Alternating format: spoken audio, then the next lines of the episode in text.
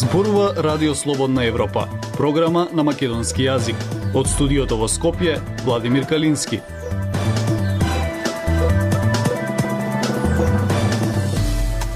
Почитувани следите емисијата на Радио Слободна Европа. Протест на семејствата на загинатите во модуларната болница во Тетово побараа ново судење и одговорност за вистинските виновници – Растат пријавите за семејно насилство. Жртвите го креваат гласот кога ќе им биде загрозен животот, велат невладините организации. Две фирми го делат владиниот колач од 2 милиони евра за државни прослави. Слушајте. Независни вести и анализи за иднината на Македонија на Радио Слободна Европа и слободнаевропа.мк. Семејствата на загинатите од пожарот во Тетовската модуларна болница, но и тетовци незадоволни од пресудата за овој случај, денеска со транспаренти на протест побараа ново судење на кое ќе бидат изведени, како што рекоа, вистинските виновници. Правдата е лажна вест во земјава, стоп за селективна правда и одговорност сега беа само дел од пораките на протестот.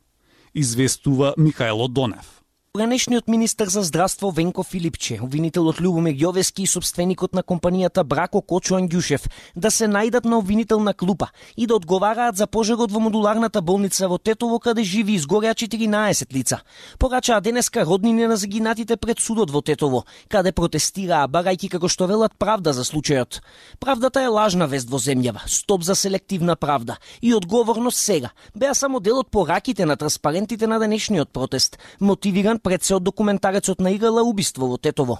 Присутните тетовци остро го критикуваат целиот правосуден систем во државата, а подсетија дека во последните пет години има четири големи трагедии и 97 жртви, за кои тврдат нема никаква одговорност. Протестантите побараа и разрешување на Јовески. Екс-министерот Венко Филипче, Любомир Јовевски, јавниот правобранител кој ги сокрил фактите и значи дал друга насока на на на судењето.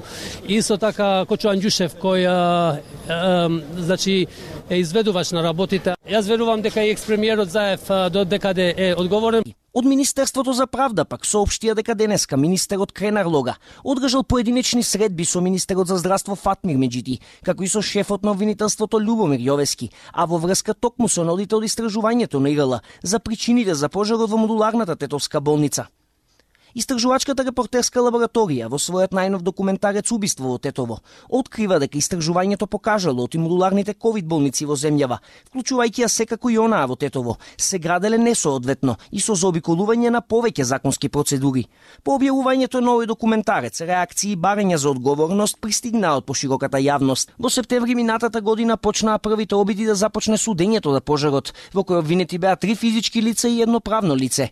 Обвинение за непостапување по здравство здравствени протоколи имаше за докторот на смена Бобан Вучевски, како и за двајцата тогашни директори на болницата, Флорин Бесими и економскиот директор Артане Теми. Судијата Јордан Велков првото успешно рочиште го одгажа дури во декември, откако предходно судењата неколку пати се одложуваа, а пресуда падна во јули годинава, кога и започнаа првичните реакции на семејствата на починатите ослободителна за Вучевски, условни затворски казни за Етеми и Бесими, кои можат да преминат во затворски ако во наредните три години го повторат делото.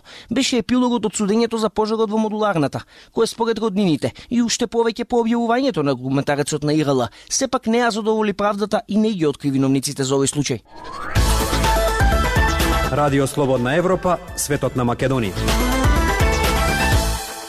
Во последните години растат пријавите за семејно насилство, но бројките се далеку од реалните, од испоред невладините организации, само 2% од жртвите се охрабруваат да пријават во полиција. Друг проблем е што 80% од оние кои пријавуваат, потоа се повлекуваат од кривично гонење. Жртвите прозборуваат само кога последиците од кјотекот ке станат видливи. Пелагија Стојанчова. Пет случаи на семено насилство за еден викенд. Изминатиот викенд во полиција било пријавено дека татко тепал малолетен син, син си ги тепал мајката и сестрата, сопрузи своите жени. Во петокот на 11 август, две жени пријавиле дека биле физички нападнати од нивните сопрузи. Повиците за пријавување на насилство се случуваат речиси во исто време кога во регионот, поточно во Босна и Херцеговина, во видео во живо на Инстаграм, Нермин Сулеймановиќ ја уби својата поранешна партнерка Низама Хачимовиќ.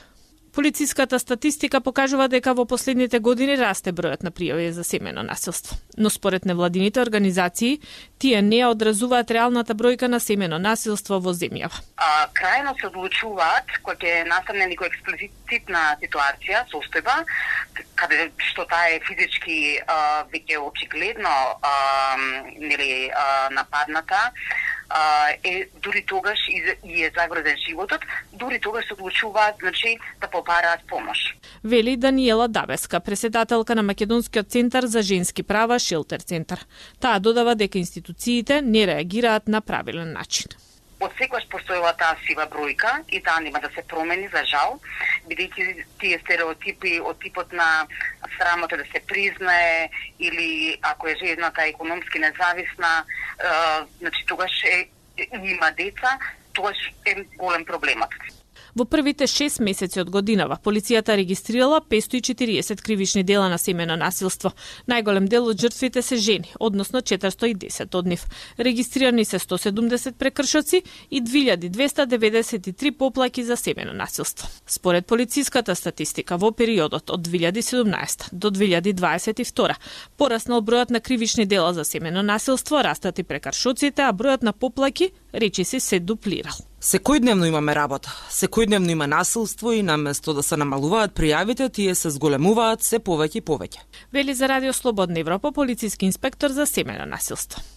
Жртвата или потенцијалната жртва може да пријави преку телефон директно во станица или пак преку некоја невладена организација која се занимава со овие прашања. По пријавата први на сцена стапуваат униформираните полицајци. Тие треба да ја сослушаат жртвата и да ја придружуваат до лекар доколку дошло до физичко насилство. Но на жртвата останува одлуката дали понатаму ќе сака кривично да се гони насилникот. Но 80% од оние кои пријавуваат, потоа се повлекуваат вели инспекторот. Полициската работа завршува со формирање на кривишна пријава. Пота на ред е обвинителството. Но има и повторувачи на делото, па во тие случаи полицајците имаат подврзени раце, односно тогаш може да побараат сторителот да биде изведен пред суд по брза постапка. Невладините кои се занимаваат со оваа проблематика велат дека само 2% од жените во Македонија кои претрпеле насилство од партнерот го пријавиле во полиција. Слободна Европа Следете на на Facebook, Twitter и YouTube. Одбележувањето на државните празници годинава ќе чини речиси 1 милион евра, што е половина од вкупната сума потрошена за три години. Една третина од парите потрошени за организирање прослави завршиле во фирмата Арберија Десинг, според податоците на Бирото за јавни набавки. Зорана Гаджовска-Спасовска. Во изминативе три години од државната каса се одвоени и речиси 2 милиони евра само за прослави и одбележување на државни празници, покажуваат податоците од Бирото за јавни набавки. Само годинава за одбележување на 6 државни празници и два настани како Преспа форум и Отворен Балкан се предвидени да се потрошат 999.000 евра. Тендерите за овие настани ги добиваат најчесто две компании: Арберија Дезинг и Скопје Филм Студио. Во топ 5 листата на компании кои редовно ги добиваат тендерите за организирање на владини прослави, влегува компанијата Арберија Дезинг.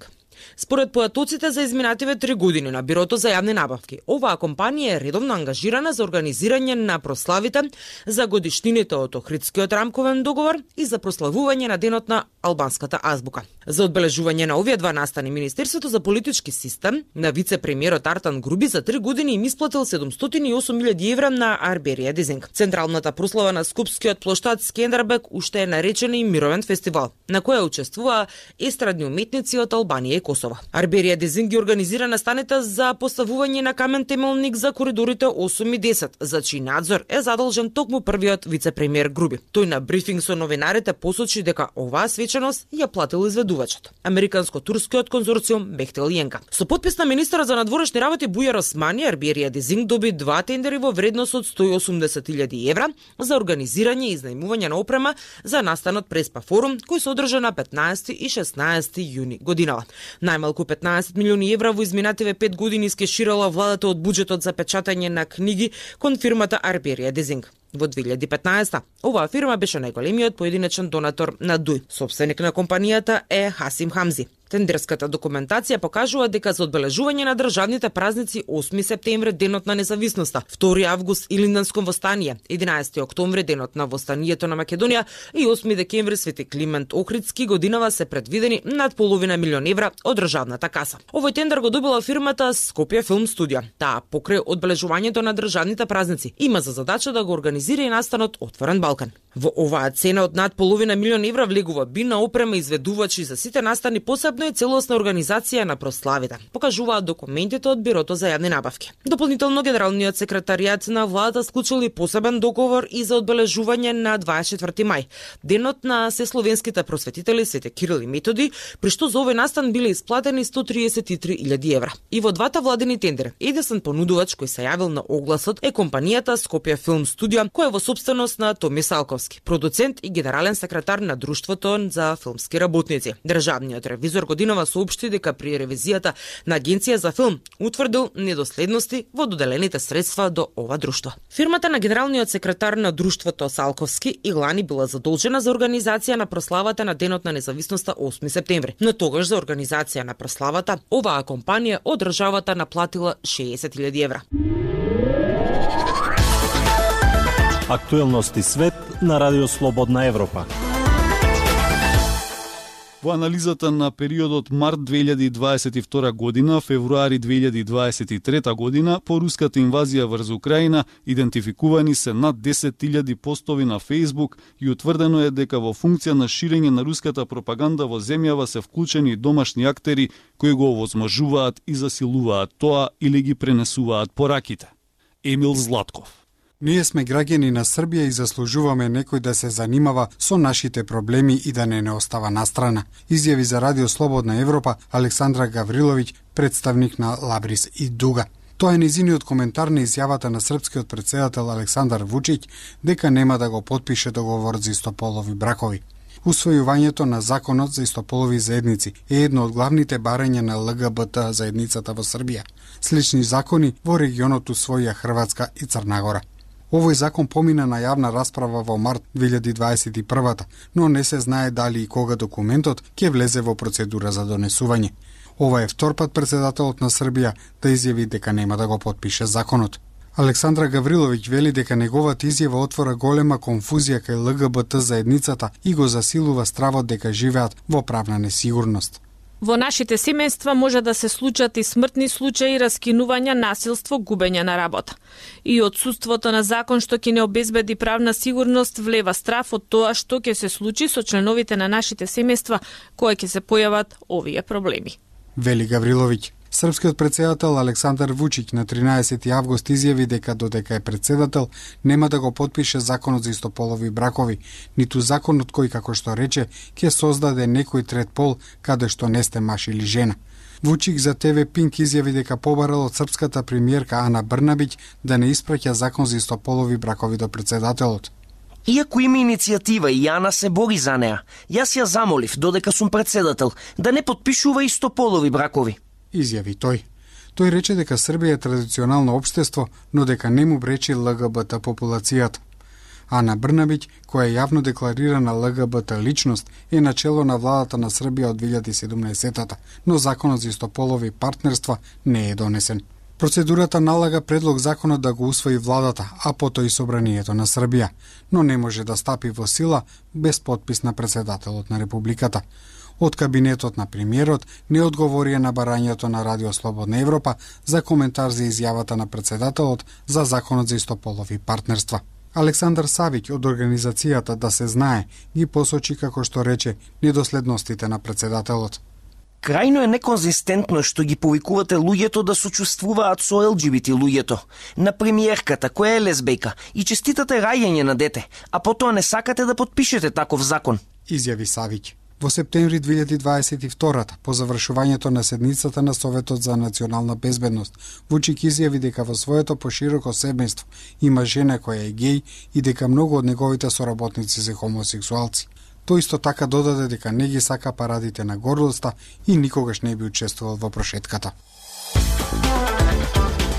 Почитувани слушатели, тоа е се што ви подготвивме во оваа емисија. Од студиото во Скопје ве поздравуваат Владимир Калински и Дејан Балаловски.